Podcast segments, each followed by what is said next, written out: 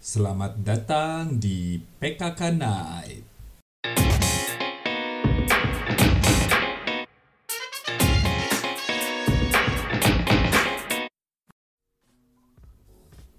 Oke, kal- eh, kita udah agak molor sedikit. Mari kita buka saja sesi kali ini dengan format baru kita yaitu ada sedikit introduction dengan tema yang sudah kita tentukan sebelumnya. Kali ini temanya adalah haki. Kalian pasti sudah tahu apa itu haki. dari One Piece ya? Yo, Parlemen haki atau Conqueror haki. Ya, itu nanti bakal dijelasin oleh eh, Fadel selaku co-host kita hari ini. Tepuk tangan dulu semuanya. Yeay. Fadel, terima kasih sudah menyiapkan tema kali ini. Ya, Oke, selamat kita malam teman-teman. serahkan pada Fadel dulu sekarang. Oke. Ya, terima kasih sudah diberi waktu dan kesempatan. Oke, terus selamat malam teman-teman semua. Malam. So, Malam. seperti yang udah dibilang tadi, eh, bahasan malam ini tuh haki, tapi bukan haki dari One Piece. Nah, apa sih hakinya? Hakinya di sini adalah hak atas kekayaan intelektual. Hmm. Nah, Mhm. terutama di eh, era digital sekarang ini. Kenapa sih haki itu jadi semakin ke sini semakin penting gitu. Nah, era digital sendiri seperti kita tahu ini era yang kita hidup sekarang itu eh, era di mana data itu sangat penting gitu kan. Data dalam bentuk apa pun, entah itu dalam bentuk ide, entah itu dalam bentuk data yang data, terus apa namanya haki sendiri eh dari kekayaan intelektualnya itu karya yang lahir dari kemampuan intelektual manusia seperti ide atau penemuan atau proses. Nah, lalu hakinya sendiri itu adalah hak untuk menikmati secara ekonomis hasil dari karya intelektual tersebut. Ya, hal-hal yang termasuk dalam haki tapi tidak terbatas dalam itu saja itu contohnya paten, hak cipta, rahasia dagang, merek, dan masih banyak lainnya. Eh, terus haki ini ada untuk melindungi eh, kreasi-kreasi dari manusia, eh, untuk melindungi data-data, untuk melindungi karya-karya mereka itu. Terus kenapa sih penting banget di era digital ini? Karena di era digital ini kan seperti yang kita tahu segalanya itu bisa diakses dan bisa didapatkan dengan cepat kan. Entah itu dengan cara yang legal atau dengan cara yang jadi pelaut. Tahu Oh, sendiri lah kan. Pirate, pirate. Jadi pirate. Nah, jadi bajak laut. Nah, hak ini untuk melindungi uh, creator dan kreasinya dari hal-hal yang seperti itu tadi. Nah, terus haki ini juga nggak eh, apa penerapannya itu nggak di setiap tempat sama, nggak di setiap eh, negara sama. Misalnya penerapan peraturan haki di Indonesia dengan di Uni Eropa itu bisa beda. Nggak cuma regulasinya, tapi juga apa-apa yang dilindungi oleh haki ini. Contoh saja, kalau misalnya di Uni Eropa itu ada eh, perlindungan dalam hal desain ya, dalam hal desain yang melindungi aspek visual dari desain digital seperti user interface, font, desain karakter dan lainnya. Terus kalau misalnya ada orang yang mendaftarkan intellectual propertinya ke di suatu negara, belum tentu intellectual pro- eh, apa namanya? intellectual property rights-nya itu berlaku di negara lain. Contohnya contoh yang paling simpelnya itu eh, ini deh. Yang baru, yang baru-baru banget nih, baru-baru minggu ini tuh eh, fans, sepatu fans eh, mereka ngejar-ngejar produk-produk lokal Indonesia yang mirip-mirip sama mereka. tapi nggak ngejar secara hukum ngejarnya uh, ini minta akun mereka buat ditutup tapi mereka nggak bisa ngepush soal intellectual property rights-nya karena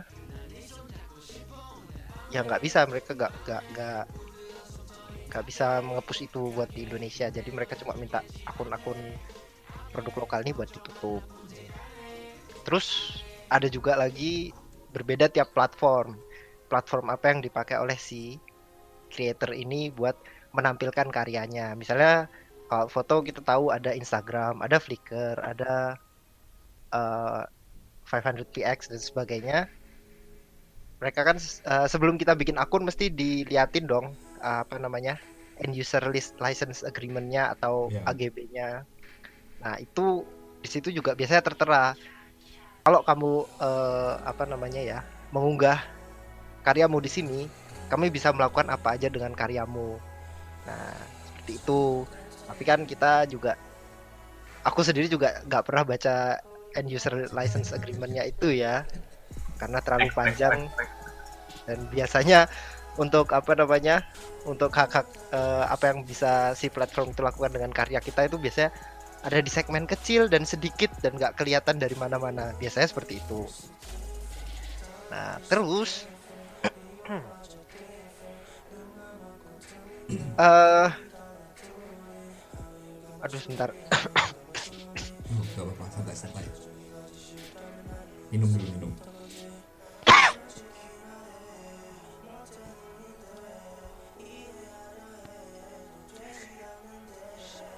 Haki ini nggak kalau tadi ya mungkin kalian nangkepnya mungkin cuma soal seni doang kan karya-karya seni seperti foto lukisan atau musik atau bisa juga games. Nah, tapi dia tidak terbatas soal itu doang gitu loh. Masih banyak hal-hal aspek-aspek lain yang dilindungi oleh haki ini sendiri. Bahkan ya seperti yang aku bilang tadi per negara per daerah punya peraturannya masing-masing apa yang dilindungi to an extent mereka juga bisa melindungi persona loh. Persona itu juga bisa termasuk dalam haki. Persona seorang manusia atau instalasi lampu misalnya seperti di Eiffel itu boleh difoto tapi tidak boleh di fotonya tidak boleh diperjualbelikan karena instalasi lampunya itu masih dilindungi uh, haki lalu graffiti hal-hal di public space. Nah karena kita nih kan rata-rata dari kita yang di sini pasti pernah punya ide dong ide atau karya misalnya entah itu musik entah itu lukisan entah itu uh, ilustrasi atau sebagainya itu juga subjek dari haki loh tapi harus didaftarkan. Kalau nggak didaftarkan orang juga mau nyolong sebenarnya juga oke-oke aja. Apalagi kalau misalnya sudah diupload dan platformnya menyatakan bahwa orang yang lihat bebas melakukan apa aja gitu. Uh, terus untuk soal ide misalnya pasti pernah kan kayak misalnya dengar orang yang eh kok nyolong ideku sih? Aku pernah punya ide kayak gitu gitu kan. Kenapa dicolong? gitu. Kenapa aku keduluan? Terus habis itu uh, apa namanya aku dilangkahi duluan. Terus orangnya misalnya mau nuntut atau orangnya mau apa tapi dia tidak punya kekuatan hukum karena idenya itu hanya sekedar ide gitu belum ada tertulisnya belum ada gimana cara dia me menyelesaikannya dia juga kalau misalnya idenya tuh dalam skala yang besar gitu uh, ada nilai ekonomisnya dia juga nggak mendaftarkan itu ke lembaga setempat yang mengurusi soal haki. Nah itu kadang orang masih banyak yang belum belum apa ya belum sadar di situnya. Jadi mereka baru ngomong ke B misalnya aku punya ide ini nanti caranya kayak gini tapi diambil sama B duluan tapi si A nanti nggak punya kekuatan apa-apa untuk protes ke dia karena eksekusinya udah duluan sama si B dan biasanya lembaga-lembaga yang menyediakan apa ya, pendaftaran haki itu mereka butuh eksekusinya dulu gitu loh. Walaupun itu cuma dalam bentuk uh, tulisan atau bentuk yang belum jadi utuh tapi tetap eksekusinya. Terus haki itu juga nggak nggak mesti harus komersil loh. Ada juga yang bagian dari haki yang nggak eh, nggak uh, nggak nggak masuk dalam hal komersil itu. Contohnya lisensi Creative Commons lisensi Creative Commons itu kan berarti setiap orang bisa make tapi nggak boleh dikomersilkan. Nah itu juga buat melindungi ide atau karya biar nggak dikomersilkan sama orang lain biar semua orang bisa pakai untuk contohnya di foto misalnya itu bisa di platform namanya Unsplash. Itu kalian bisa nyari foto-foto keren-keren dan pakai di uh, entah di wallpaper kalian atau kalian pengen bikin sesuatu lagi dari itu itu bebas dipakai. Itu juga yang dipakai di beberapa pos ya PPI hmm. itu.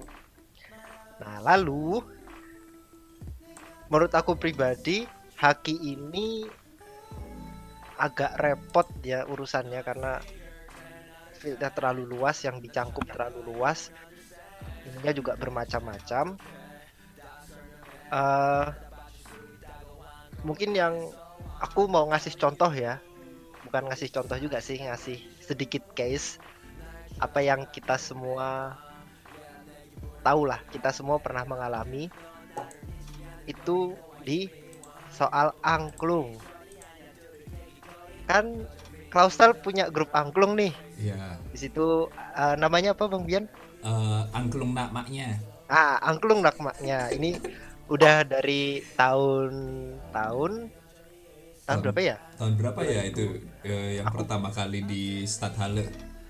2016 bukan? Iya, 2016 ya sekitar itu. 2016. Jadi dua uh, mulai 2016. Nah, dari 2016 sampai sekarang tuh udah banyak nih apa namanya berkali-kali pentas di mana-mana gitu kan terus juga dari situ ada selain mereka menghasilkan musik terus juga mungkin orang-orangnya di apa namanya yang nonton itu juga ngambil videonya gitu. Terus habis itu misalnya si apa namanya si angklung nakmaknya nih yang waktu acara PPI direkam gitu kan videonya direkam. Terus habis itu fotonya diambil.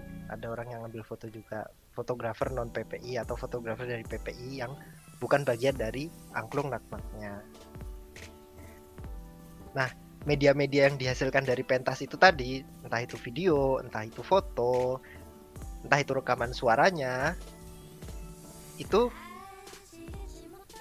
punyanya siapa sih? Itu punyanya angklung nakmaknya itu punyanya si videografernya atau itu atau punya fotografernya atau punya siapa terus habis itu misalnya salah satu dari kalian anggota nakmaknya ambil foto itu lalu pakai buat kalian sendiri atau menyebarluaskan kalian sendiri yang menyebarluaskan entah itu lewat Instagram entah itu lewat Twitter atau misalnya si videografer atau fotografernya yang apa namanya yang menggunakan dan menyebarluaskan itu haknya kayak gimana ya apakah si fotografer dan videografernya ini berhak? Apakah anggota angklung nakmaknya berhak? Atau mungkin yang mengundang juga berhak? Kalau buat aku itu masih jadi pertanyaan sih. Sebenarnya siapa yang berhak atas media-media tersebut begitu. Menurut Bang Bian sendiri seperti apa ya kok? Misalnya Wah. untuk hak penggunaan nih sebagai orang yang uh, istilahnya yang salah satu pentolannya angklung nakmaknya. Itu menarik sekali ya. Itu juga pertanyaan besar banget. Ketika angklung nakmaknya perform terus ada yang ngerekam entah itu official dari tim pembuat acaranya ataupun ataupun ya personal aja itu terus dia ngepost di Instagram itu jadi punya siapa hakinya? So soalnya yang dia rekam yang dia tangkap itu tuh kan uh, produk yang dihasilkan angklung nakmaknya secara etik kah mungkin harusnya itu pun haknya si angklung nakmaknya bukan ya iya nggak sih menurut yang lain gimana nih oh Tapi kan aku kurang tahu ya soal haki ini. Eh, aku mau nanya itu lebih ke arah kayak patent rights, copyright atau in general suatu hak milik. Dia sebenarnya mencakup semua sih. Jadi patent, copyright, trademark, merek dan sebagainya itu bagian dari haki. Lalu Oh, hak-hak Jadi penggunaan maksudnya general idea of ini apa kepemilikan ini. kepemilikan, terus habis itu hak untuk menggunakan, menyebarluaskan, menggandakan, terus menikmati secara ekonomis. dan jika tanda kutip didaftarkan itu didaftarkan sebagai satu jadi kayak udah termasuk kayak penyebaran hak milik dan lain-lain Maksudnya gimana? Bentar. oh iya jadi mungkin kalau didaftarkan di sini nih jadi kayak paten gitu ya bahwa ini adalah karya saya itu bukan Patent, maksudnya copyright gitu mungkin ya. Ya. Nah, kas- Jadi kalau di kasus angklung nakmaknya kan kami tidak mendaftarkan itu gitu. Iya, tapi itu kan tetap masuk jadi apa ya? Kalau aku nganggapnya masuk sebagai suatu karya gitu kan. Iya. Karena kalian mengaransemen sendiri, mengini sendiri. Kalau misalnya eh, digandakan oleh orang lain atau misalnya disebarluaskan oleh orang lain yang yang bukan dari anggota apa namanya? anggota official official fot- fotografer atau videografer dari angklung nakmaknya itu seperti apa gitu loh. Kalau jujur-jujuran sih sebagai eh, anggota angklung namanya kalau itu terjadi terus diambil idenya itu sakit hati sih. Karena itu ya itu tadi itu hasil dari kemampuan eh, intelektual kami gitu sebagai anak-anak muda generasi bangsa yang baru. Iya, itu dia. Jadi, Boleh oh ya, Bentar.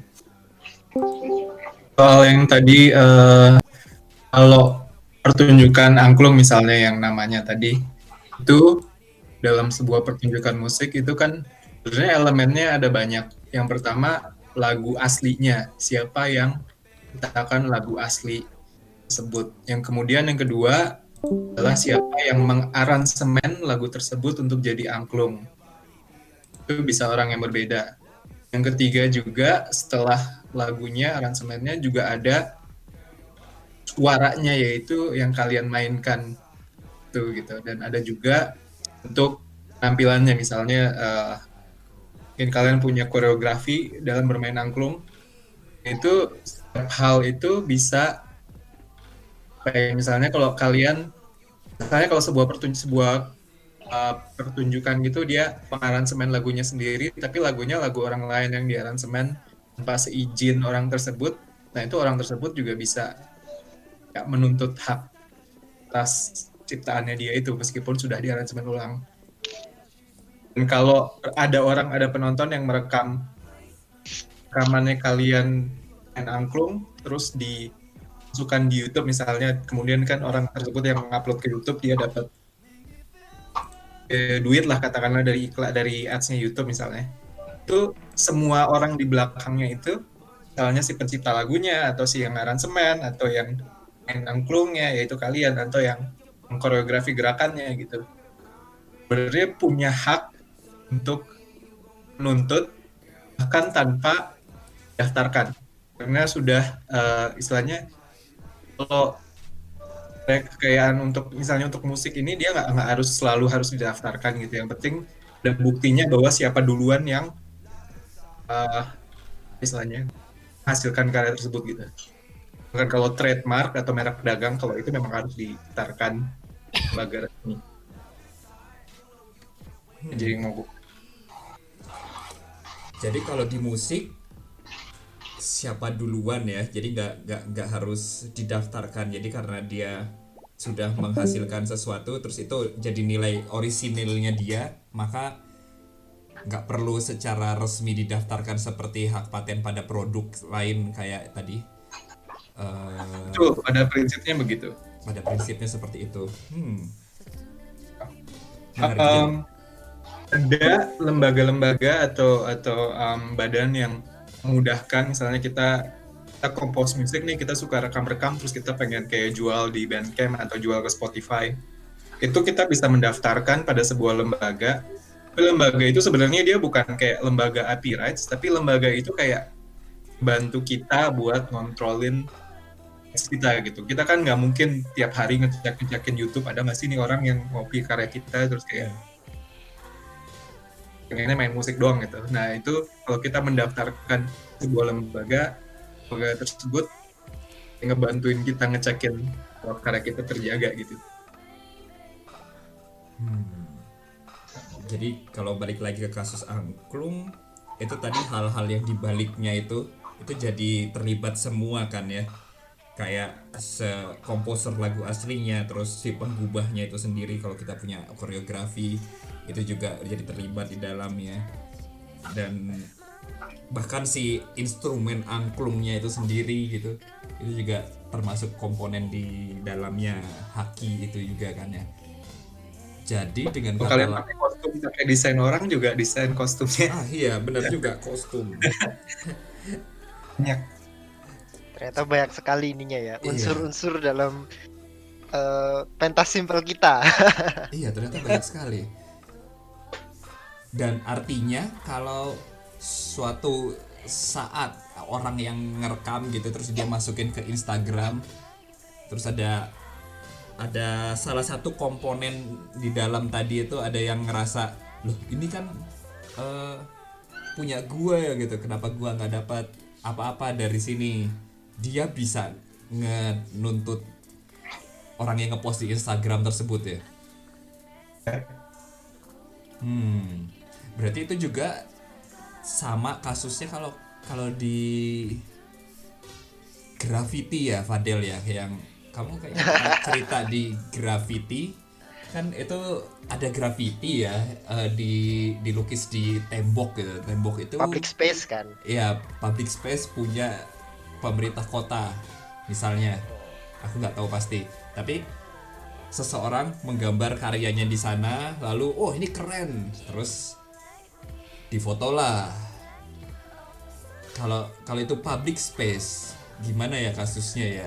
Kan di situ terlibat adalah si artisnya sendiri si pelukisnya. Mungkin pemerintah juga terlibat karena itu tembok punya pemerintah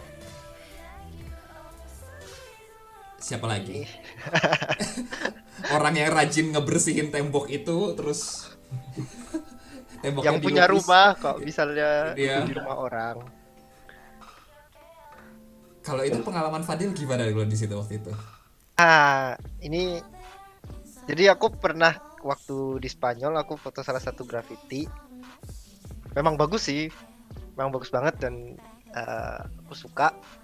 Terus aku upload. Eh, aku upload tapi kan skalanya bukan buat komersil ya. Bukan buat komersil aku juga. Maksudnya Instagram handleku tuh juga kecil-kecilan. Terus somehow sama eh, si artis yang gambar ini ditemukan gitu loh. Aku nggak tahu gimana caranya, tapi dia menemukan itu. Orangnya sebenarnya nggak marah sih, cuma dia ngasih tahu aja gitu loh. Kalau ini tuh karyaku gitu kan. Kalau misalnya apa namanya, aku pengennya karyaku ya ya udah di eh, di situ aja gitu kan, nggak usah diupload ke mana-mana. Terus habis itu apalagi kok sampai dikomersilkan. Mhm. Terus habis itu dia minta buat eh, foto tersebut, foto dari graffiti tersebut di take down dari dari Instagramku, dari platform yang aku pakai. dia minta take down malah Ya, dia minta eh, take down, maksudnya dihapus aja itu kan. Tapi no hard feelings between us gitu. Ya. Tapi ada kasus lain yang eh si siapa? Dua pihak ini ngeyel gitu loh. Dari fotografernya sendiri ngeyel karena itu sesuatu di public space terus habis itu dari artis grafitinya ngeyel karena itu karyanya dia terus mereka merasa sama-sama punya hak si artis grafitinya punya hak atas eh, grafitinya si fotografernya merasa kalau itu sudah graffiti-nya tuh sudah didaur ulang jadi foto dan foto itu karyanya dia gitu loh. Nah, itu juga di eh, kepada siapa kita harus memihak gitu. Mana yang benar, mana yang salah. Juga soalnya itu tuh ada di public space ya Ya, garis bawahnya menurut di public space-nya itu. mungkin untuk menjawab hal itu kita mesti tahu dulu sih tembok itu punyanya siapa Itu pertanyaan susah kok itu. ya kita kita nggak bisa jawab itu tapi itu menarik sekali soalnya ternyata ada kasus yang dua-duanya ngeyel kalau itu udah didaur ulang itu bahkan itu jadi Ya, produk milik dia ya dalam bentuk foto Ah, betul. Jadi dia merasa sudah mendaur ulang karya itu, itu udah jadi foto, aku yang ambil fotonya itu aku dong gitu kan. Mungkin dari teman-teman yang lain nih gimana eh, apa pendapatnya soal yang barusan ini tadi. Mungkin Hmm. ada yang punya masukan bagaimana? Soalnya aku sendiri juga sebagai orang yang suka foto di public space setelah ada kejadian itu aku bingung gitu loh kayak merasa takut-takut aja kok terjadi kayak gitu lagi. Atau mungkin Goci, Rafin yang sering juga difoto di public space dan suka ngepost dan suka banget ngepost nah di Instagram. Oh ini Ya. eh, aku banyak menyebut kata Instagram tapi sebenarnya banyak benda-benda eh, ya. Banyak platform lain ya. Cuma ya karena itu salah satu platform yang paling banyak kita pakai. yang umum ya? Del, yuk. Yuk, emang peng- selama pengalaman kamu kayak ditegur tentang kayak itu karyaku dan lain-lainnya itu kamu nggak pernah nanya balik kalau misalkan kamu tulis kreditnya atau gimana gitu. Kayak apakah masih boleh ngajang atau nggak usah di take down? Aku sih pengalamanku ditegur ya selama ini baru sekali itu dan aku merasa eh, permintaannya dia tuh make sense gitu loh. Karena karena dia yang bikin terus aku cuma mengabadikan doang. Eh, Oh. mudah nggak maksudku. Jadi jadi ya ya make sense. Dia aku masih menganggap dia sebagai pemilik itu pemilik karyanya grafitinya. Dan aku cuma sebagai seorang penikmat. Oh tapi kamu nggak melihat kesempatan untuk meminta izin ke dia gitu? Kayak ini bukan buat commercial use aku memang kayak, eh, suka banget sama karyanya. Gimana kalau misalkan aku tag ininya apa source-nya kayak aku kasih kredit? Kayak gitu sebenarnya kepikiran juga sih sempat kepikiran gitu kan kalau misalnya. Tapi aku tetap ngomong aku suka kok karyamu gitu kan. Makanya aku upload sini aku abadikan gitu kan. Tapi juga ini gak dipakai buat komersial. Dan dia bilang iya fine kok misalnya bukan buat komersial gitu kan. Cuma ya itu tadi dia minta spesifiknya. Dia pengen karyanya tuh dinikmati langsung dari dindingnya dari itu. dinding dia. Oh, Ya, kalau itu udah dari permintaan sangat spesifik ya. gitu Itu tidak terhindarkan lagi. Fair enough fair enough Mungkin ada alternatif lainnya bisa kali ya. Mungkin fitur tagging itu fungsinya buat ini kali ya. Kalau di Instagram. aku bahkan sering anggapnya kok fitur tagging tuh kayak eh, I will pay you with exposure gitu kan tapi kan Iya. exposure gak bayar apa-apa gitu loh Hmm. Menarik juga ini. Wah, sulit, sulit, sulit, sulit. Tapi aku mikirnya kalau misalnya di tempat umum dan nggak ada larangan apa pun untuk tidak mengabadikan itu, kayak biasanya kan di museum-museum ada yang kayak dilarang foto segala macam. Kalau aku rasa kalau nggak ada kayak gituan kayak emang di tembok dan dan kayak random gitu loh. Eh, aku rasa secara hukum mungkin itu nggak ini deh, nggak yang menyalahi. ya itu apa argumennya juga sebenarnya cukup di ini ya cukup apa namanya cukup didukung oleh hukum lah karena public space kan orang bebas ngapain aja di Iya. space Kecuali kalau emang punya satu kayak macam gang gitu punya mereka tembok-temboknya terus ada peraturan dan udah di diurus secara hukum supaya nggak boleh ada yang ng- ngambil gambar mungkin itu lain cerita ya ya jadi Iya. punya pegangan hukum yang lain gitu kan Mm-mm. Tapi kalau nggak ada sih kurasa harusnya sih fine meskipun kita juga sebagai manusia harus hormat terhadap yang buat sih kalau aku mikirnya. Jadi ya meskipun itu boleh-boleh aja tapi aku mikirnya mungkin mungkin secara moral agak agak kurang respect sama artis utamanya yang bikin. Betul, gitu gitu juga bisa, gitu juga bisa. Benar. Jadi key pointnya di sini adalah respect terhadap Respect terhadap eh ya karya orang lain gitu karena itu itu juga mereka juga manusia gitu kan ya.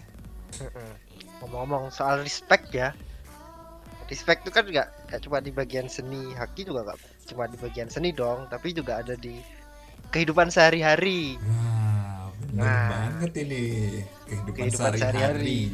Apalagi kehidupan kita ini, maksudnya kita hampir semuanya di sini kan engineer kan, atau si Wison tuh koki gitu kan. Oh bener banget. Ini di field pekerjaan juga ada soal-soal haki ini, terutama buat ide dalam pekerjaan mungkin, atau kalau di Wison eh, ide resep itu bisa juga ya kan? I- iya nih, sekarang aku jadi penasaran banget. Kalau di Wison gimana? Misalnya kamu di restoran, kamu punya eh, ini kan menu, terus se- sebutlah menu A tersebut mengandung A B C D E F G dan itu kan resep rahasia restoran kamu. Itu gimana ya hakinya? selama yang aku kerja di sih kalau yang aku perhatiin kita udah belajar resepnya nih. Ya, terserah kita mau ke mana. Yang penting pemilik jangan sampai lihat gitu doang. Kita sebagai yang masak sebenarnya udah dapat ilmu ya. Bisa dipakai ke mana-mana. Masuk restoran lain kalau misalnya bisa digabungin sama ide yang lain jadi masakan baru juga nggak masalah selama selama nggak 100% menu yang sama keluar di restoran lain nggak apa-apa oke. seharusnya Tapi itu sudah kayak aturan tidak tertulis yang semua koki tahu atau itu kamu pelajari dari waktu kamu eh, studi itu? itu dibilang aturan tidak tertulis ya enggak enggak cuman balik lagi kan ke yang punya idenya. Kalau misalnya kayak koki-koki terkenal yang udah besar gitu mereka punya resep rahasia misalnya tem- tembus bocor ya ya itu lain sih levelnya kan. Hmm, kalau yang kayak kita kayak steak kayak apa pasta gitu kan normal-normal aja. Tembus juga bukan cuma kita doang yang bikin kayak gitu pasti kita juga belajar dari lihat dari misalnya koki lain bikin kayak gitu kita ambil tekniknya bikin sendiri dicampur sama teknik lain kan jadi beda ya. kayak gitu Jadi nggak 100% sama ya. Betul betul. ya nggak 100% ngopi satu menu keluar di restoran lain persis sama gitu itu ya mau di kerjaan mana aja ya tabu Hmm, Benar sih.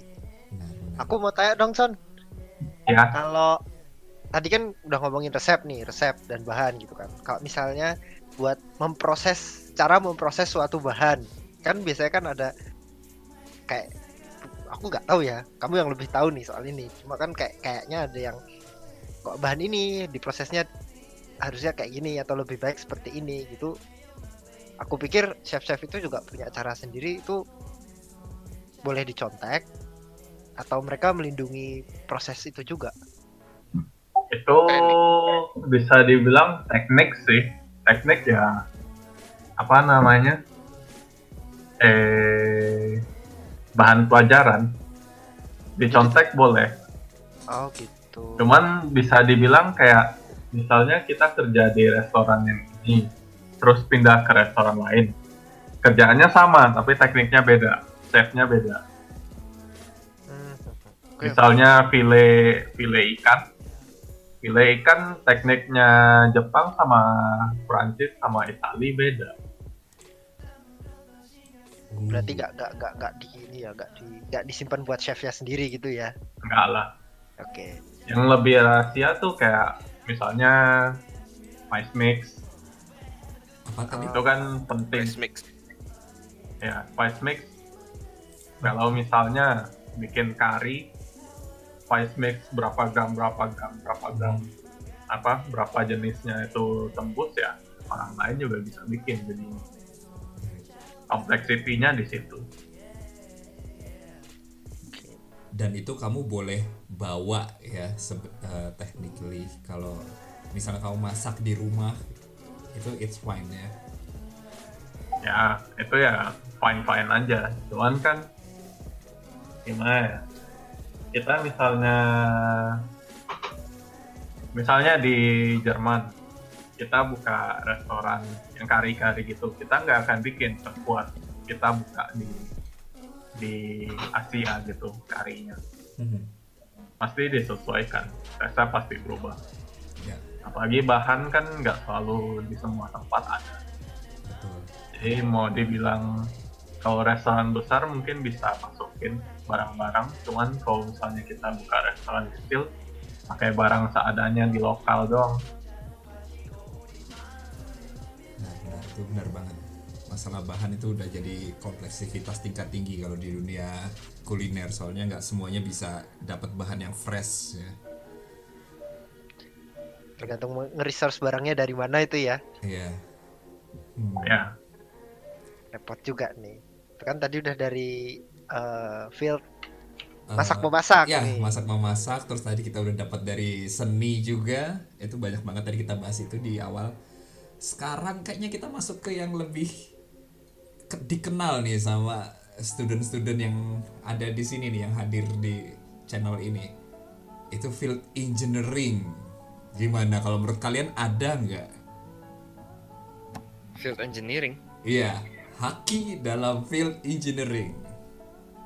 blueprint. True. Field.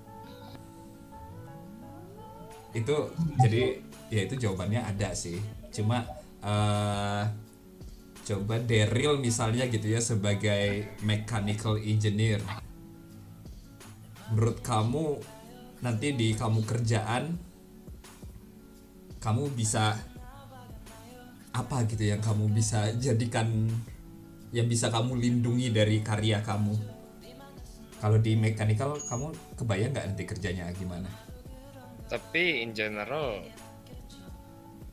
kayaknya desain-desain konsep-konsep itu memang bisa dipatenkan deh. Memang memang bisa. bisa Tapi nggak spesifik di mechanical engineering, bahkan engineer yang lain pun juga kayak menurut aku bisa mematenkan konsep-konsep atau desainnya atau sebuah metode gitu. Yang nanti akhirnya mungkin nama metodenya dipakai nama belakang atau nama kamu kan gitu kan biasanya.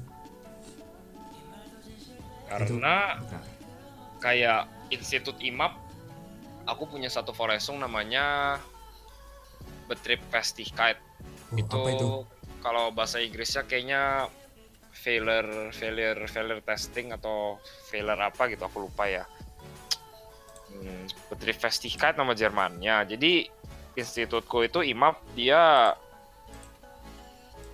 me- me- kayak menemukan metode baru dalam penghitungan suatu testing-testing dari part-part part-part komponen-komponen gitu. Jadi dia namanya kayak IMAP Verfahren gitu. Kan itu salah satu menurutku ya sesuai topik kita itu salah satu pematenan metode yang mereka pakai dan mereka pakai nama institutnya sebagai Oh. nama metodenya. bener juga Ini menarik ya, nih. kita itu menurut aku sih ujung-ujungnya metode konsep atau desain yang bakal kita harus lindungi gitu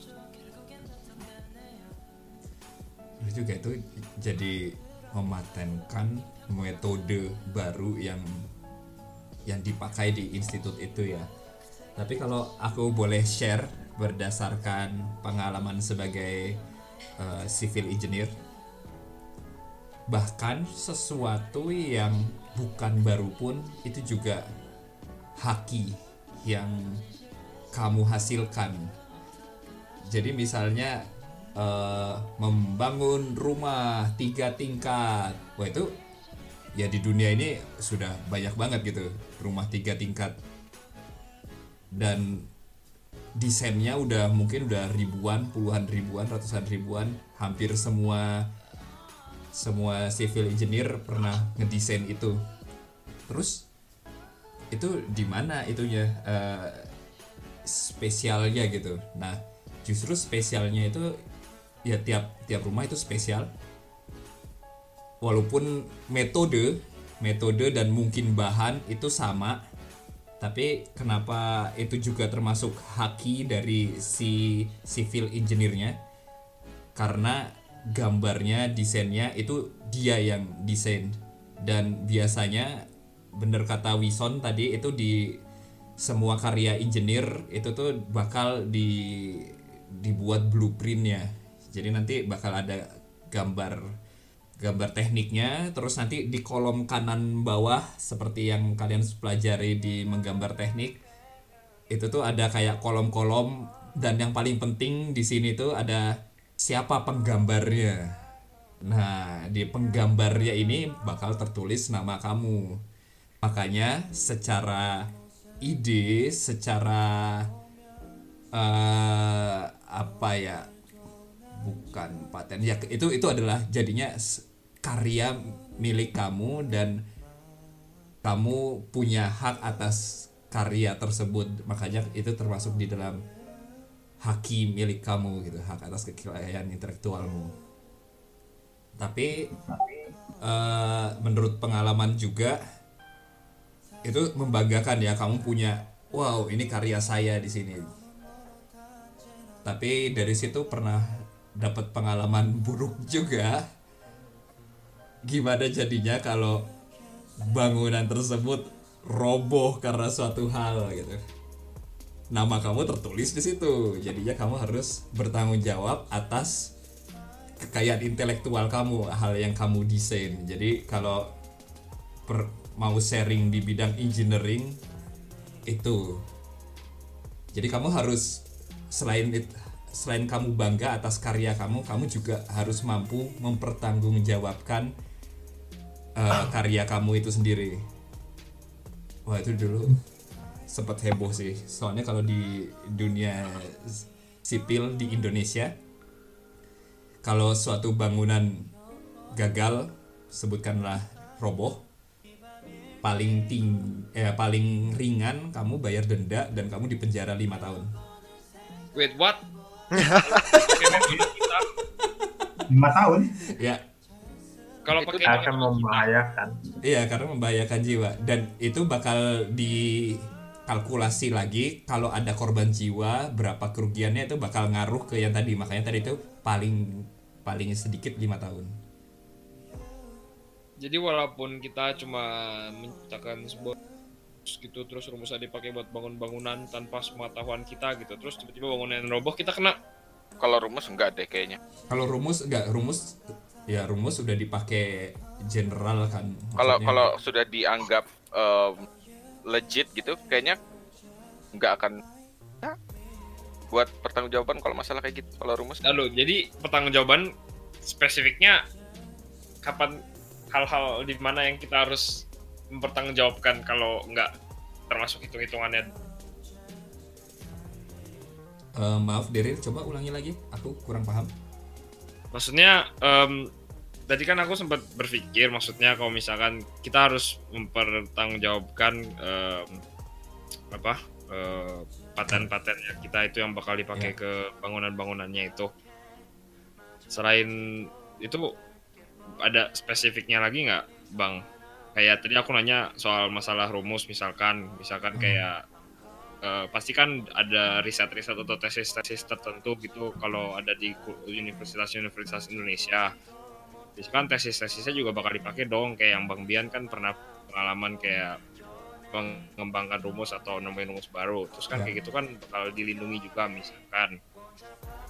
Benar. Apakah hal-hal itu juga kalau misalkan sampai dipakai dengan or sama orang lain dan kita membahayakan atau menggagalkan atau merobohkan gitu, kita juga harus tanggung jawab gitu.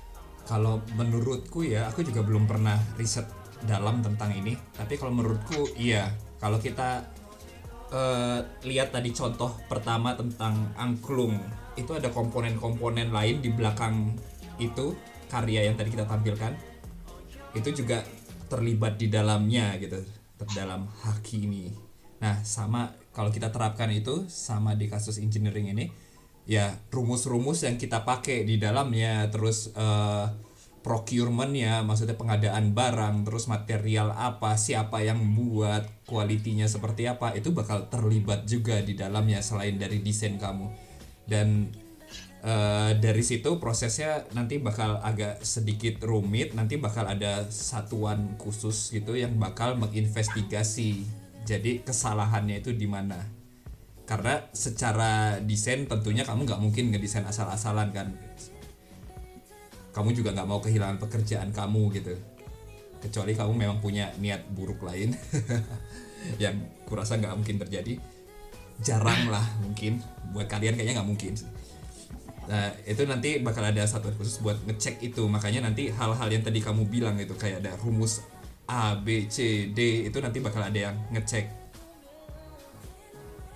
Dan untung ya kalau di kasusku itu ada di ininya eh, waktu proses ereksinya gitu. Jadi waktu dibangun ada yang korupsi terus ya runtuhlah menara itu. Terus eh, kalau kalau misalnya masalahnya kayak gitu yang ngedesain nggak salah dong, order? jadinya selamat nggak salah begitulah kalau di field engineering. Itu Berarti juga tetap tetap dilihat eh, sebab masalahnya lagi. Kembali dong. iya nanti bakal dicek gitu.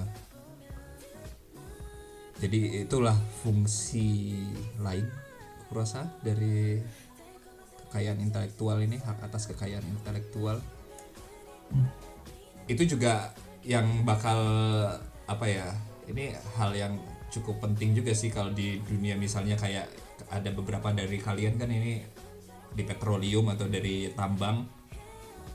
Kalian dalam proses produksi eh, apa Rostov Gewinung itu apa ya? Ya produksi material ini gas oil atau raw material. Ya raw material ya itu. Itu kalian kan pakai metode-metode yang sudah dipelajari gitu ya ngebor atau mungkin pakai eh, bahan peledak kalau di dunia tambang. Eh, walaupun itu terlihat kayak ya itu metode yang bakal dipakai sehari-hari gitu.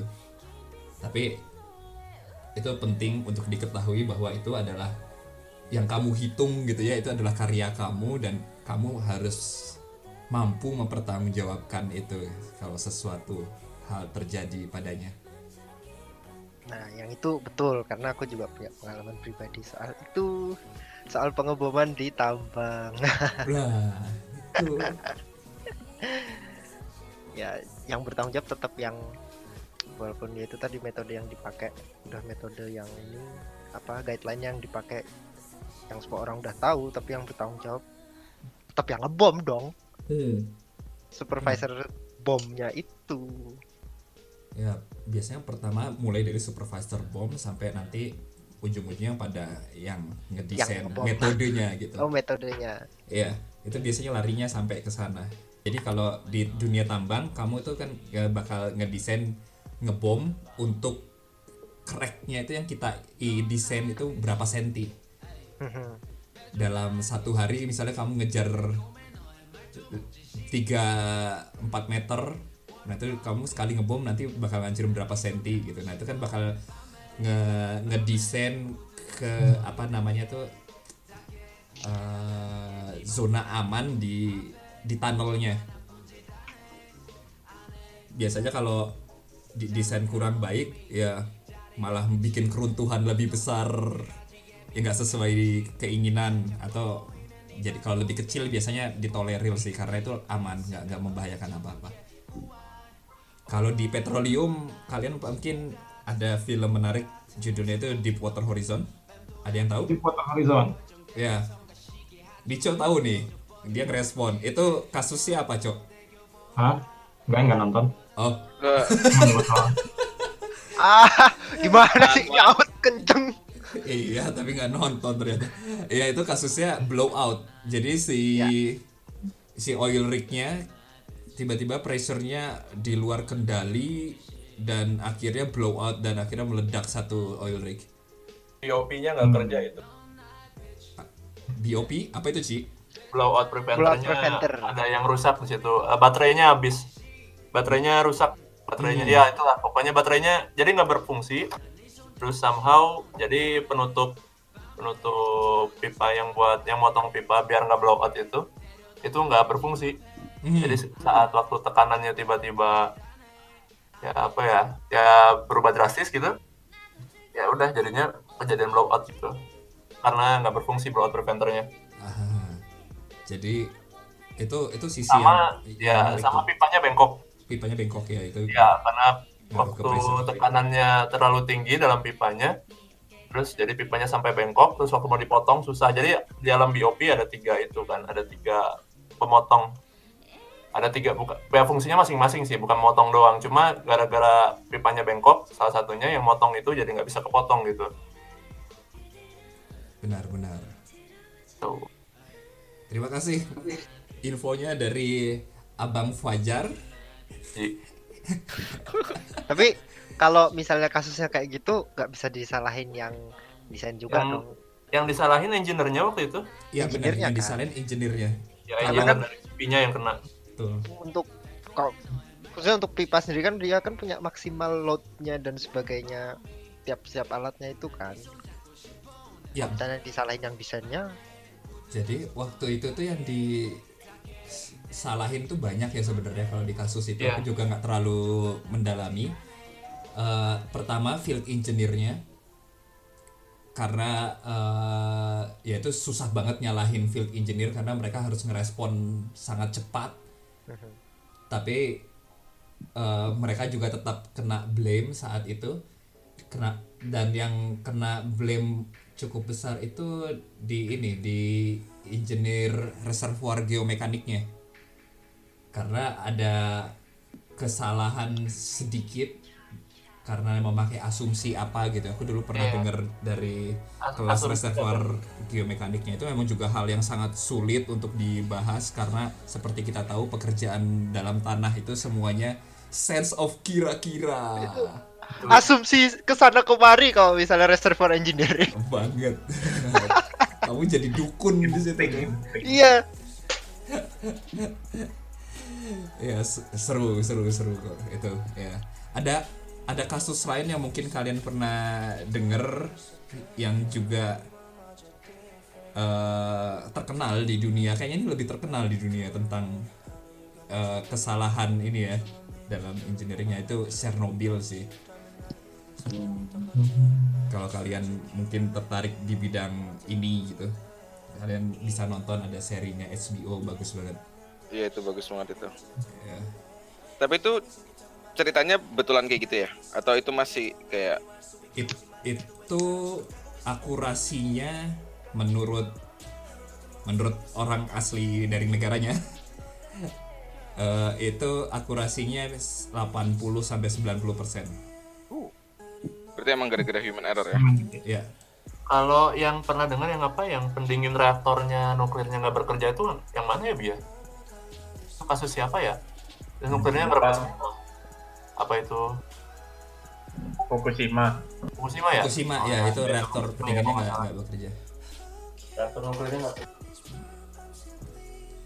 oh nice nggak kerasa sebentar lagi sudah 20.30 waktu Oh, kita akan Udah. sesi ini akan berakhir Ya. Oh, udahan sih. Baru masuk lo baru join tadi. Salahnya. Eh, Telat sih Goci. Iya, iya, aku ada pertanyaan. ya boleh Kalau misalnya kita udah publish, kan katanya tadi kalau misalnya salah tanggung jawab. Kalau kalau disalahin nggak nggak tanggung jawab, denial gitu gimana? Kasusnya kan kayak contoh MSG menyebabkan autism. Itu kan entah dari mana.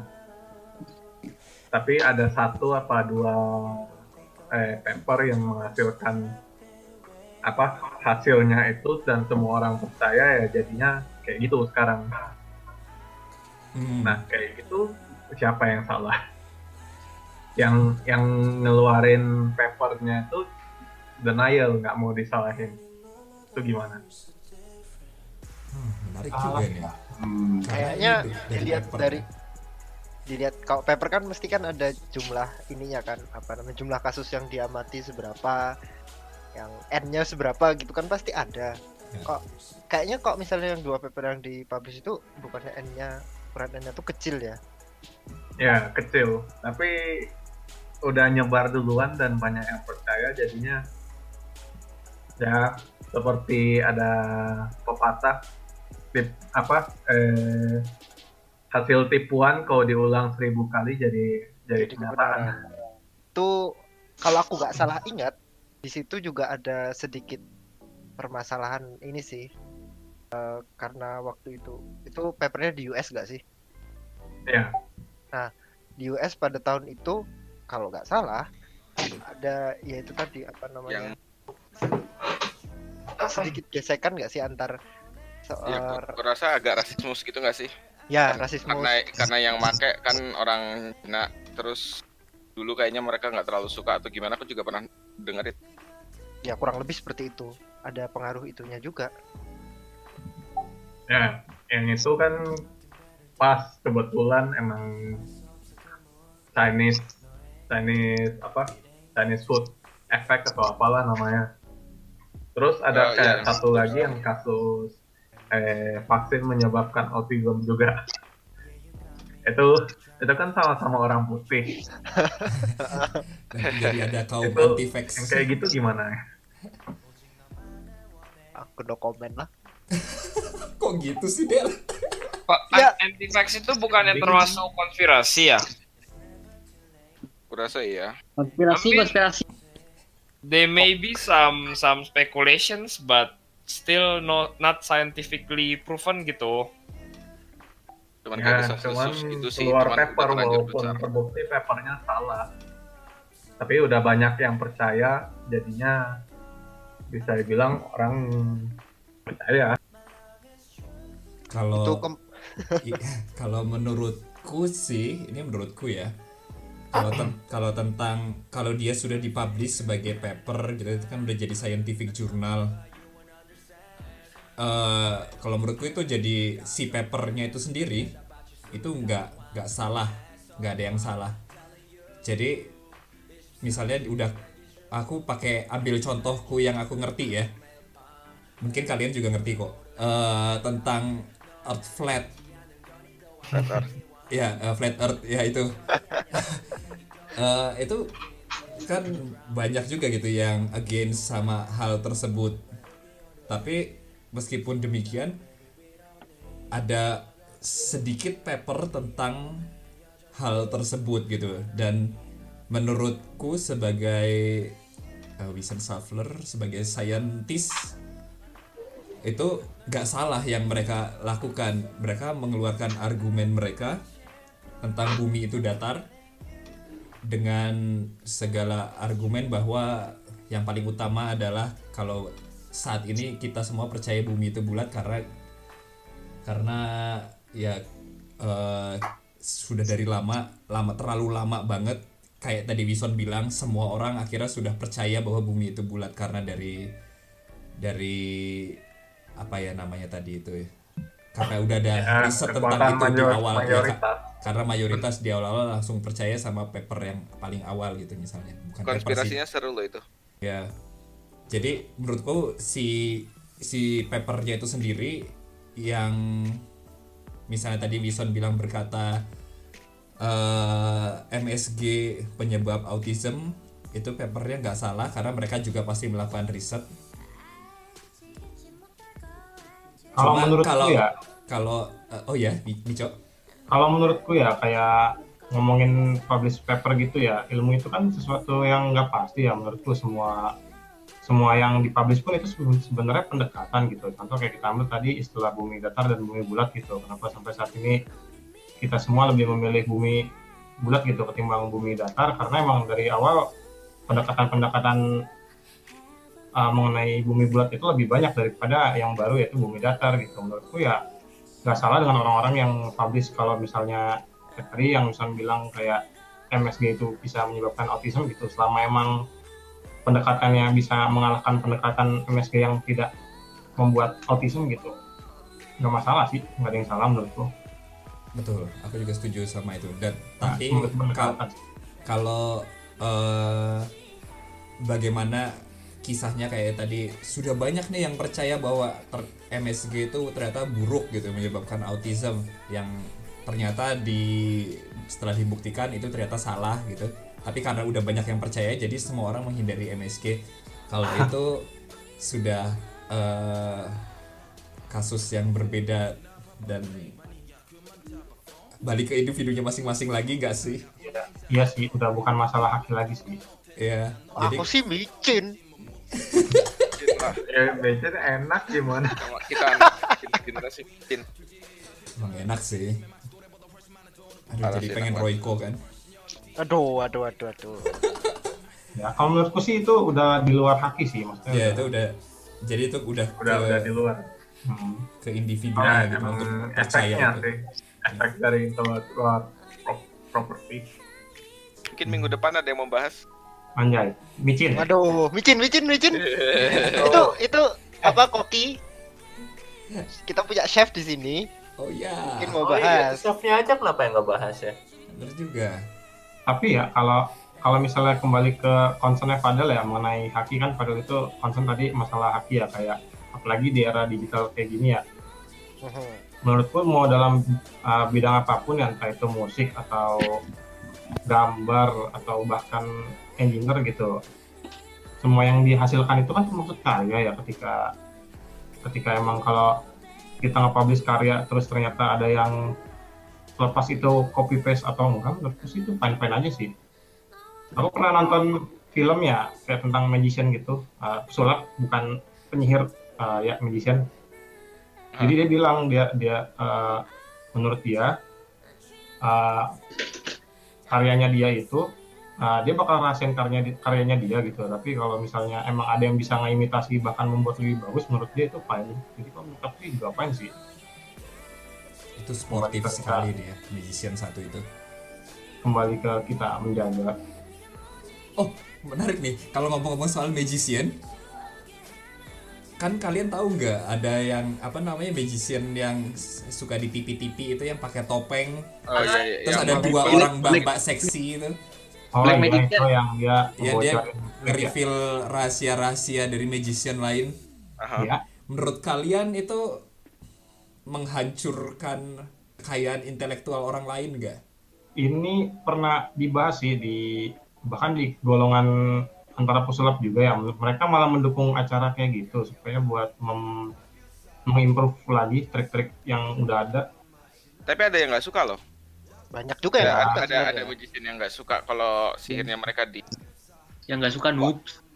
masalahnya kan kalau di dunia dunia, dunia magician gitu ya. Misalnya uh, bang Bian punya trik gitu. Bang Bian punya trik terus triknya uh, manjur sampai semua orang tertipu bahkan magician lain pun tertipu gitu. Dan bang Bian pasti bakal uh, kayak kayak ngejual hal itu gitu. Bang Bian bisa ngejual hal itu gitu. Dengan catatan nanti uh, tergantung kontrak yang bang Bian buat dengan orang yang beli. Misalnya Bang Bian jual ke si Fawas ntar Fawas itu bisa bisa bikin persetujuan sama Bang Bian kayak dia beli boleh dipublish lagi nggak atau dia beli cuman boleh dia doang yang pakai So, yang aku tahu gitu kalau di dunia magician Hmm. kamu magician juga jangan-jangan. kamu dark magician ya Hmm. aku summon kamu aku magician mau lihat yang hilang aku bentar lagi hilang Oh, Anjir. itu kayak kasusnya Penn and Teller ya, yang apa? Oh, Penn yang- and Teller. Pernah ada yang tahu yang dia bisa motong bunga dari bayangannya itu? Hah? Itu kan ada. Dia suaranya pada kecil banget Oh iya, Gede Enggak kan di aku sorry Iya. Sih. tolong digedein sendiri kok gitu. 200 aja serius oh iya? kita coba Oke. Ya. Jadi ada magician uh, duet namanya Penn and Teller. Mereka Ya, ini punya dia. uh, menurutku yang keren banget ya itu yang mereka bisa motong bunga dan daun dari bayangannya. Hmm. itu kan ada eh, satu orang di Belgia yang dia juga bukan magician sih sebenarnya ya kayak kayak orang biasa gitu loh terus bikin akun YouTube gitu kan terus dia nge-reveal itu terus dituntut sama Penn and Teller tapi si orang Belgianya ini malah bikin gerakan eh, yang biar orang-orang tuh dukung dia gitu loh sebagai seorang apa trick revealer dan sebagainya. Bahwa dia punya punya hak untuk nge-reveal itu dan memodifikasinya. Seperti itu. Aku kurang mengikuti kasusnya seperti apa ya. Kelanjutannya kayak Terus Mungkin pertanyaanku Del, Ya. gimana caranya mereka motong daun pakai bayangan? wah itu aku nggak tahu makanya. Bukan, bukan pakai bayangan mas, tapi bayangannya yang dipotong bayangan yang dipotong terus daunnya potong. Pakai Cino kata itu. Oh, Ichigo. Yoi. wow Cino kata Tolong tolong tolong ibunya di konten di konten. eh belum waktunya wibu ya Belum tolong ya Daryl deh, kasih tadi kan Cino kata Daryl kan? se- sebelum kita menjadi Wibu Night, ini waktunya sebentar lagi kalian akan buka puasa. Kita ada beberapa dari kita akan buka puasa. Alhamdulillah. Eh, kita tutup sesi ini. Jadi sesi kali ini ya menarik sekali. Terima kasih Fadel. Semuanya kasih applause dulu. terima kasih terima kasih Ya. maaf berantakan sekali Enggak kok ini bagus banget kok. Jadi terima kasih sudah nge-share tentang haki yaitu hak atas kekayaan intelektual itu hak untuk menikmati secara ekonomis hasil dari karya intelektual gitu ya. Jadi kayak tadi kita udah dengar dari Fadel haki itu nggak terbatas misalnya paten, hak cipta, rahasia dagang, merek dan semuanya itu asal itu karya dari ses- seseorang maka itu masuk ke dalamnya dan itu bisa dilindungi karena sifatnya memang eh, haki itu melindungi eksekusi dari ide tersebut gitu. Mhm. dan ya kalau mau lanjut diskusi lagi silahkan. Kalau enggak juga nggak apa-apa karena ini sudah waktunya berbuka. Mungkin ada yang mau eh, lanjut beraktivitas malam. Terima kasih sudah ada di sesi PKK Night kali ini mari kita tutup yeay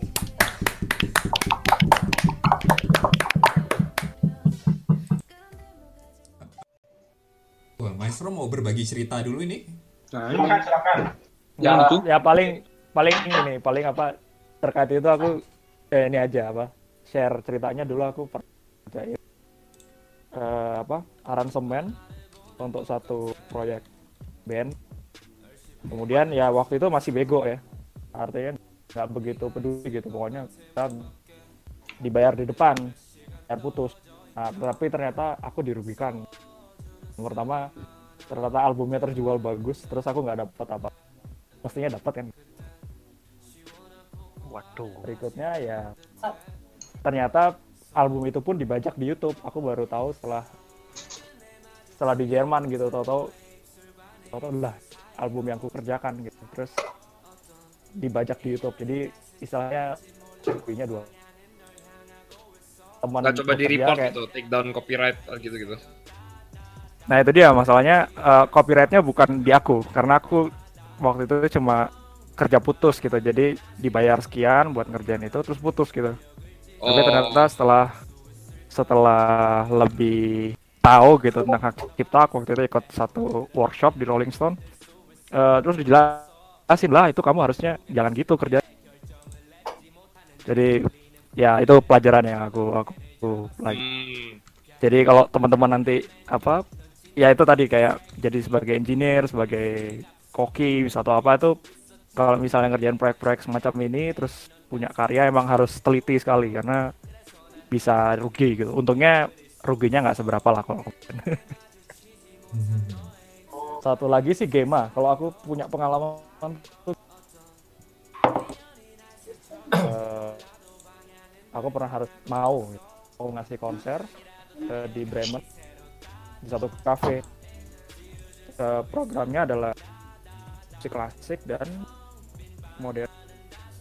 Nah itu kebetulan duet orang pemain yang memang eh, nah itu kita sempat bermasalah ternyata kalau di Jerman itu baru tahu juga mementas musik di tempat itu kita harus eh, memastikan artinya itu yang pada abad 19 kalau itu bebas cipta itu nggak nggak. Kemudian tapi ada satu karya itu yang hak ciptanya masih jalan. Itu kar- namanya komodisnya namanya Astor Piazzolla Nah, itu ternyata hak ciptanya masih jalan. Jadi kalau kita mau umum itu harus bayar ke Gema gitu. Wah duitnya nggak ada kan?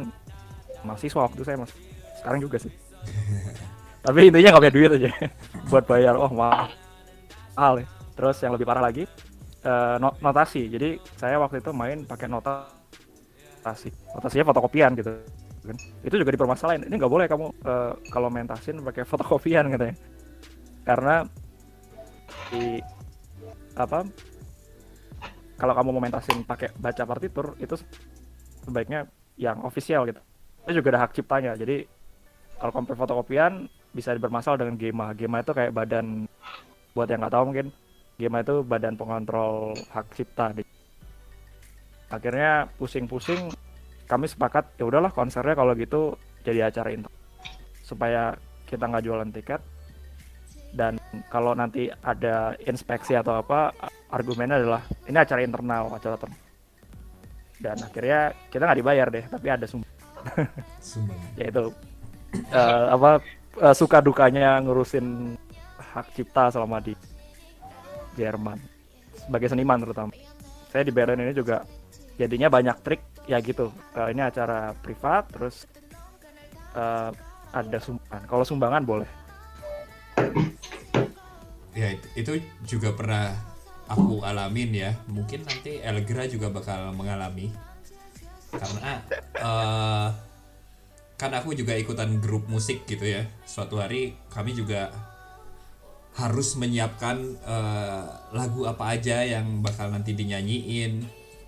Sampai detail-detail se- seberapa luas ruangannya berapa orang yang akan datang itu akan mempengaruhi eh, hal yang sorry. Itu akan mempengaruhi ya ini urusannya dengan pihak Gema ini. Karena mereka juga ada aturan-aturan dari eh, peserta yang bakal nonton gitu-gitu. Karena itu nanti ngaruh ke hak cipta si si artis aslinya gitu. Ya itu hal kompleks sih. Kompleks. Tambah banyak lagi ya unsurnya ya dari ini tadi soal musik. pusing Maksudnya kok- pusing. Kalau misalnya yang aku denger sih ini nggak sih kok yang buat musik buat komposernya tuh nunggu komposernya meninggal terus habis itu setelah se- misalnya 100 sekian 100 tahun atau berapa tahun setelah itu baru boleh dipakai jadi eh, apa namanya lisensinya jadi publik gitu. Gitu nggak sih? Belum tentu juga. Oh, jadi belum kalau tentu. dalam kasus komposisi misalnya uh, aku bikin karya terus aku daftarkan. Nah persoalan hak cipta itu adalah uh, terkait dan apakah lisensi ini diperpanjang. Uh, biasanya stat legal statusnya itu saya lupa tapi kayaknya sekitar 20 masalah kalaupun saya sudah meninggal udah lebih dari 20 tahun tapi lisensinya ada yang memegang dan lisensi diperpanjang nah itu tetap ada hak ciptanya. Oh berarti Kayak mungkin misalnya karya ya misalnya karya Tolkien kan Tolkien udah lama. Iya aku baru mau ngomong gitu tadi oke. Iya. Tolkien. Ya. ST Tolkien. Itu banyak. Sejak ya kan hak cipta itu kan baru ada kayaknya abad 20 secara hukumnya ya mungkin ya. Heeh, yang yang kuat dan terutama di negara maju. Ya tapi soalnya kalau buat pengakuan dari hak cipta sendiri itu dari ancient Rome. Uh dari ancient Rome? Oh. Ya pengakuannya dari ancient Rome. Udah lama sekali berarti artinya. Lebih Hmm. lama. Tapi Ancient baru di apa? Bel? ancient Rome. Oh, itu Romawi lama kuno. sekali. Tapi formulasinya baru dimulai setelah eh, revolusi industri. Seperti itu sejarah Uh. simpelnya. Berarti panjang sekali itu sampai diformulasikannya. Revolusi industri 1800-an. Iya, zaman Victorian kan? Ya. Oh ya, by the way, aku mau berterima kasih kepada Maestro karena aku kemarin baca ini ya tautan yang dikasih di eh, server ini tentang Yang mana tulisannya dan seni kontemporer dan sebagainya. Jadi aku Oh iya iya. Ah, itu. punya ide buat bahas haki ini karena aku merasa oh ternyata di sini ada orang yang yang aku pikir waktu itu yang kira-kira orang ini pernah berkutat di soal haki ini pernah punya pengalaman terus di sini juga ada Bang Bian jadi ah ya sudah aku punya ide haki Oh. Itu. ya bagus lah. nah itu eh, teman-teman di kolektif itu yang linknya aku share itu kami semua sampai sekarang masih struggling. Kayak ada teman yang masak ya di di di kolektif ya masak, tapi masak sebagai seniman. Nah, artinya dia bikin art perform, tapi bentuknya lucu ya. Bentuknya Dia masak. bermasalah, ya dia bermasalah dengan eh, ini hukum apa itu hukum buka kafe itu loh. Ah, Oh, aturan kuliner itu loh apa eh, namanya gastronomi. ya. Oh, jadi itu bermasalah karena kalau di, dari ukuran gastronomi kan harus syarat itu. Dia dipandang nggak mem- nggak memenuhi itu gitu. Tapi juga kalau dia mengklaim dia tukang masak itu dipenuhi nanti tanpa pajak. Betul, pajaknya Terus- jadi beda, bukan seniman lagi. Iya. Ya. Jadi karena dia full time seniman kan. Nah, terus ya kita jadi masalah juga terus loh gimana saya mengklaim karya ini atau saya ini tukang masak. Jadi banyak eh, struggle. Paham? Wah. Keras-keras. tempe aja itu kan eh, apakah kita perlu bayar hak cipta waduh.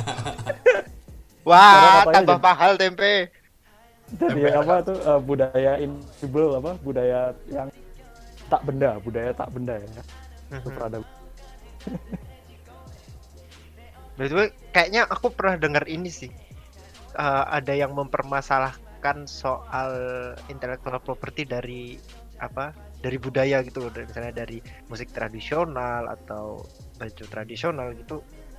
Bukannya pernah ada permasalahan soal itu ya. Jadi ada performer yang make terus dipermasalahkan dan sebagainya. ya kalau perdebatan terakhir paper itu yang jadi masalah itu adalah etika pertanyaan artinya kasusnya begini kalau di sayangnya saya lupa nanti kalau ketemu eh, kan eh, produk mengambil sampel. Nah sampel ini datang dari eh, lagu rakyat folk song atau datang dari nyanyian daerah. Kayak contohnya kayak misalnya ada lagu lagu Nina Bobo gitu. Nina Bobo itu lagu rakyat nggak ada yang punya kan? Iya. Nggak ada hak ciptanya. Tetapi kemudian itu diremix misalnya jadi diremix sama siapa? Sama Skrillex. Step. Jadi Nina Bobo drop gitu. dubstep gitu. Sangar gitu. Atau sama David Guetta gitu. Jadi EDM gitu kan. Gitu kan. Nina Bobo. Nah, gitu. jadi naik gitu misalnya ah, jadi nightcore nah nah itu kan yang dapat eh, royaltinya kan si itu kan si David Guetta misalnya atau Skrillex. Atau kayak lagu apa lagu Jawa eh, lagu Jawa apa Andi Andi Lumur atau apa gitu terus jadiin campur sari remix gitu kan. Ya kan yang dapat eh, royaltinya eh, seni remix tetapi eh, sedangkan musik tadi tet- itu adalah common goods atau kepemilikan bersama dari satu suku bangsa. Nah itu jadi ada perdebatan etik. Apakah etis saya mengklaim kita dari sesuatu yang dari awal sudah gratis? itu temanya. Saya baca, tapi saya ingat paper itu uh, music information retrieval. Jadi isu meretrieve hasil oh, dan ada perdebatan etis kalau saya mengklaim hak cipta dari common goods di budaya tradisional rakyat yang sois Jadi kok soal hak ini beratnya ada di hukum sama di soal etika ya, moral dari Iya, si yang itu yang.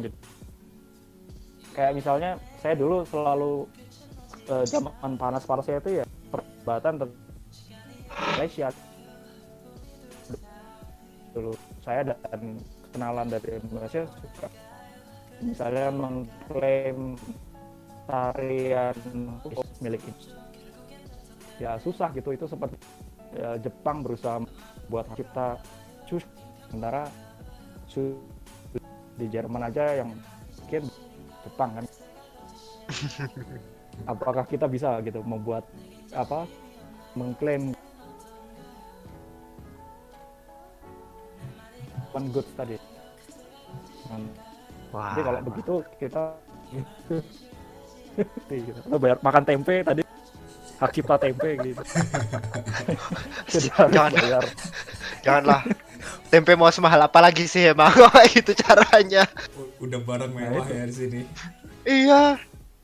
tapi temanku ada yang bercita-cita membuat hak cipta paten nah, dia berusaha membuat tempe dari kacang hijau apa Oh, Wow. atau kacang-kacang lain lah nah itu dia ber- berambisi sekali mau saya paten ya kalau itu mungkin masih masih oke lah karena inovasi tapi kalau kita membuat paten tempe kan kayaknya Kebangetan ya itulah. Kebangetan sumpah.